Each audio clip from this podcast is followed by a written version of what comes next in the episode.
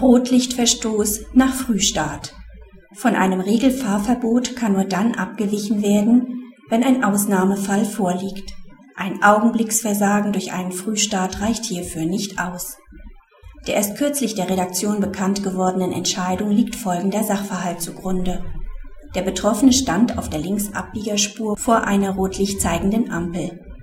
Als die Lichtzeichenanlage für den Geradeausverkehr auf grün umschaltete, fuhr er ebenfalls an, obwohl die für ihn geltende Lichtzeichenanlage noch rot zeigte.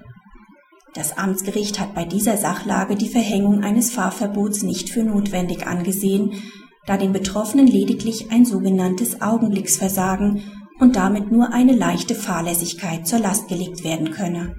Das Oberlandesgericht billigt diese Auffassung nicht. Von einem Regelfahrverbot kann nur dann abgewichen werden, wenn die Annahme eines Ausnahmefalls gerechtfertigt ist.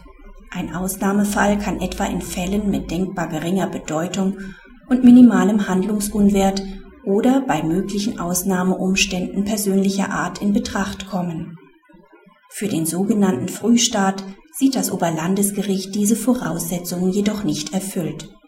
Aufgrund der erhöhten abstrakten Gefährlichkeit geht es von einem groben Pflichtverstoß aus, für den es regelmäßig der Denkzettel und Besinnungsmaßnahme eines Fahrverbots bedürfe.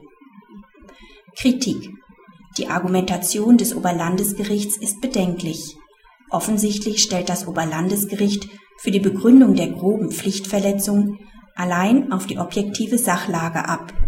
Eine grobe Pflichtverletzung, die die Verhängung eines Fahrverbots rechtfertigt, muss jedoch subjektiv besonders verantwortungslos erscheinen.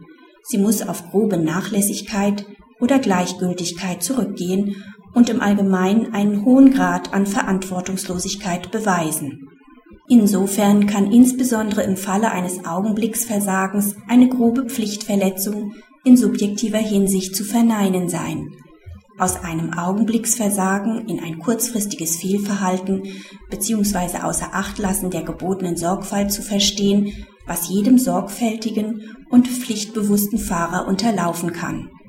Für das Augenblicksversagen reicht eine momentane Unaufmerksamkeit allein in der Regel nicht aus. Vielmehr müssen alle näheren Umstände gewürdigt werden, die auch die Ursachen des momentanen Versagens erkennen und gegebenenfalls in einem milderen Licht erscheinen lassen